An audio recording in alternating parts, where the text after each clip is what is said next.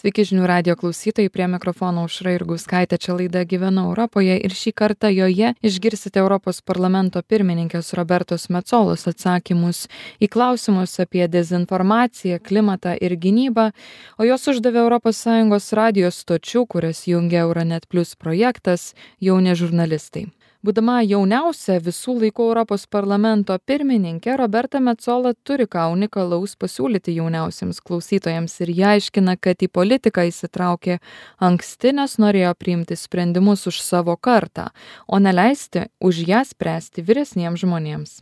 Europos parlamento vadovė jau seniai pasisako už tai, kad jaunesniems nei 16 metų piliečiams būtų suteikta teisė balsuoti ES rinkimuose taip jau yra keturiose europos sąjungos šalyse austrijoje belgijoje vokietijoje ir jos šalyje maltoje. Galima balsuoti sulaukus šešiolikos o graikijoje nustatytas septyniolikos metų balsavimo amžius. Metsolos skaitmeninės kartos žurnalistė iš radijo vante quattr italijoje paklausė ar ji mano kad kitos valstybės narės turėtų sekti tokiu pavyzdžiu pirmininkė nesvyruoja dėl savo įsitikinimo kad šešiolikos ir septyniolikos metų jaunuoliai turi teisę turėti politinį žodį tačiau priduria kad neužtenka vien pasiūlyti jiems balsuoti. Reikia juos aktyviai įtraukti į visą procesą. Aš tebesu įsitikinusi. kiekvienoje valstybėje kur vykstu susitikti su šešiolikamečiais sakau manau tie šešiolikamečiai turėtų turėti galimybę pasirinkti kas juos reprezentuoja. Todėl tai yra mūsų atsakomybė užtikrinti kad mes esame kiek įmanoma įsitraukę į kampaniją kuri yra nutaikyta į šešiolikamečius tose keturiose valstybėse, apie kurias užsiminėte. Nes pradėję balsuoti jauname amžiuje gebėsite pripažinti pilietinę pareigą visą savo gyvenimą. Teigė Metzola. Ji priduria, kad bendravimo su tokiais jaunais rinkėjais privalumas yra tas, kad jie turi kitokį požiūrį, dažnai sutelkdami dėmesį į tokias problemas, kaip galimybė gauti išsilavinimą, kelionių galimybės ir su jaunimu susijusios sveikatos priežiūros problemos tuo metu kolega iš lenkijos polski radijo pirmininkei metsolai uždavė klausimą kaip europos sąjungos institucijos ketina padėti kovoti su dezinformacija šiais metais kurie plačiai vadinami svarbiausių rinkimų metais visame pasaulyje. Mes turime skaitmeninių paslaugų aktą kuris nustato atsakomybę reguliuotojams sukurti saugią erdvę įvairaus amžiaus žmonėms kad jie galėtų pasiekti teisingą informaciją kuri nėra sugeneruota integruota dirbtinio intelekto. Mes turime pirmąjį pasaulyje dirbtinio intelekto aktą. Mes ne tik turime leisti įstatymus, bet taip pat turime ugdyti samoningumą. Tai samoningumas, tai įsilavinimas, tai dezinformacijos kampanijos ir taip pat įstatymų leidyba, kurie ne tik mums sukuria atsakomybę, bet suteikia ją ir mūsų partneriams technologijų pasaulyje. Puoselėti tiesą, kurios mums reikia šiame pasaulyje, kad rinkėjai sąmoningai pasirinktų sako europos parlamento vadovė. Nerimas dėl klimato yra labai tikra šiuolaikinio jaunimo problema ypač tose šalyse kurios prisiima didesnę klimato kaitos naštą. Tokios šalys kaip portugalija kur vienas jaunas kolega iš radio renesansa apgailestauja dėl penktadieniai už ateitį arba fridays for future judėjimo žlugimo ar europos klimato ambicijos pamažu griaunamos? Kaip galime užtikrinti kad klimato problemos išliktų prioritetu net ir po du tūkstančiai dvidešim ketvirtųjų metų parlamento rinkimų kuriuose laimėti gali ir konservatyvesni atstovai Siekime, kad iki 2050 metų būtume ambicingiausių žemynų klimato neutralumo prekybos sistemų pavyzdžių visam pasauliui. Tačiau turime įsitikinti, kad turime mūsų gyventojų palaikymą. Kitaip tariant, ką ketiname daryti, kad sušvelnintumėme socialinį ir ekonominį mūsų teisės aktų poveikį. Jei to nedarysime, tada turėsime žmonių, kurie arba nustoja balsuoti, arba randa paguodą kraštų kraštutinumuose. Ir mano mano kolegų darbas yra užtikrinti kad rastume pusiausvyrą. Laikantis ambicijų užtikrinant kad sveriame savo pasiūlymus galime pasirūpinti kad mūsų mažosios įmonės ir toliau klestėtų.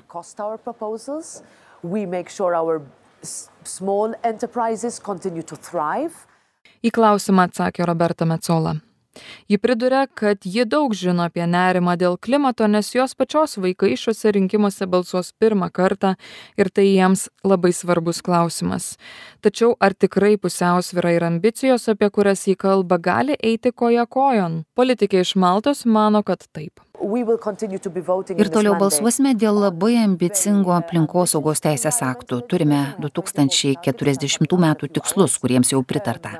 Bet mes atsitraukime kaip parlamentas, kur manėme, kad mano paminėto palaikymo to, kiek piliečiai jaučiasi įtraukti mūsų primamus sprendimus, nepakako. Todėl matėme, kaip komisija atsėmė teisės aktą dėl pesticidų. Ar tai buvo geras pasiūlymas, ar jam būtų pasisekę? Ne. Parlamentas balsavo prieš tai demokratinėme balsavime. Taryba, vyriausybės niekada nebalsavo už tai. Žvelgiant iš institucinės perspektyvos, mes tikimės, kad kai yra teisės aktas, kuris negali veikti, komisija jį atšauks. Tai buvo padaryta ir mes tuo labai džiaugiamės. Sako Europos parlamento pirmininkė. Trumpai paaiškinant Metsolos minimus teisės aktų paketus, tai prieš savaitę Europos komisija paskelbė komunikatą dėl ES tikslo iki 2040-ųjų sumažinti šiltnamio efektą sukeliančių dujų išmetimą 90 procentų, einant keliu iki nulinės emisijos 2050-aisiais. Dabar rengiamas naujas įstatymas nustatantis šį tikslą vis dėlto tą pačią dieną susidūrusi su didėjančiu ūkininkų ir europos parlamento narių spaudimu europos komisijos pirmininkė ursula von der leyen atsiėmė prieštaringai vertinamą reglamento dėl tausaus pesticidų naudojimo projektą kuriuo buvo siekiama iki du tūkstančiai trisdešimtųjų perpus sumažinti pesticidų naudojimą. Atsakydama į jauno bulgarų žurnalisto iš radijo stoties bnr klausimą metsola pasisakė už aktyvesnį jaunimo dalyvavimą ankstyviausiuose teisės aktų rengimo etapuose Uh, Kviečiame, kol dirbame kuriant kitą Europos komisiją, kad tie svarstymai, vadinamasis jaunimo patikrinimas, būtų kiekvieno teisės akto pasiūlymo, kuris pateikiamas iš komisijos, esmė ir pagrindas, kurie po to pateikiami mums. Jei tai neįvyksta pasiūlymų etape, kartais bijau, kad gali būti per vėlu. Pasiūlymą suformavus ir pateikus labai sunku pakeisti jo parametrus. Kalbėjo politikė. Europos parlamentas paprašė komisijos pradėti šį ES jaunimo patikrinimą arba jaunimo testą dar 2022-aisiais. Prieš mėnesį komisija įsipareigojo tai padaryti. Priemonė, kuri jau yra daugelį ES šalių, įskaitant Prancūziją ir Vokietiją, skirta bendradarbiaujant su jaunimu įvertinti siūlomų teisės aktų poveikį jaunimui pokalbis su metsola baigiamas klausimu iš latvijos kur neseniai vėl įvesta karo prievolė latvijos radijo bendradarbis klausė europos parlamento pirmininkės apie bloko pastangas stiprinti kolektyvinio saugumo ir gynybos bendradarbiavimą Well, there is no doubt that the world has changed completely since the 24th of February 2022. Be jokios abejonės, pasaulis nuo 2022 metų vasario 24-osios visiškai pasikeitė.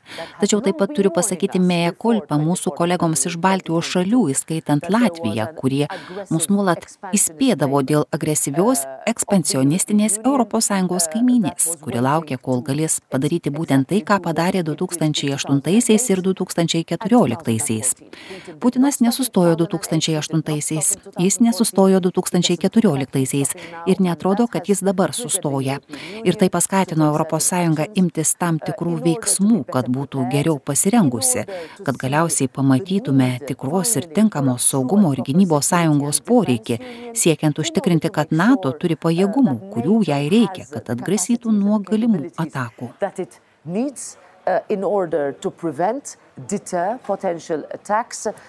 Komentavo Europos parlamento pirmininkė ir toliau ji paaiškina kodėl europai taip svarbu pažvelgti už savo sienų ypač šiuo konkrečiu istorijos momentu Kas įvyks po prezidento rinkimų Junktinėse valstijose?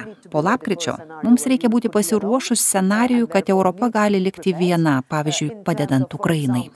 Taigi šiame iššūkių kupiname pasaulyje mums visiems, tiek jauniems, tiek vyresniems, kaip niekad svarbu pasinaudoti savo demokratinėmis teisėmis, kad busimuose Europos parlamento rinkimuose būtų išgirstas mūsų individualus balsas. Europos parlamento pirmininkė Roberta Metzola palieka peno apmąstymams Jei nebalsuosite, 720 kėdžių vis tiek bus užpildytos. Jums gali nepatikti, ką pamatysite. Jei nebalsuosite, kiti nuspręs už jūs.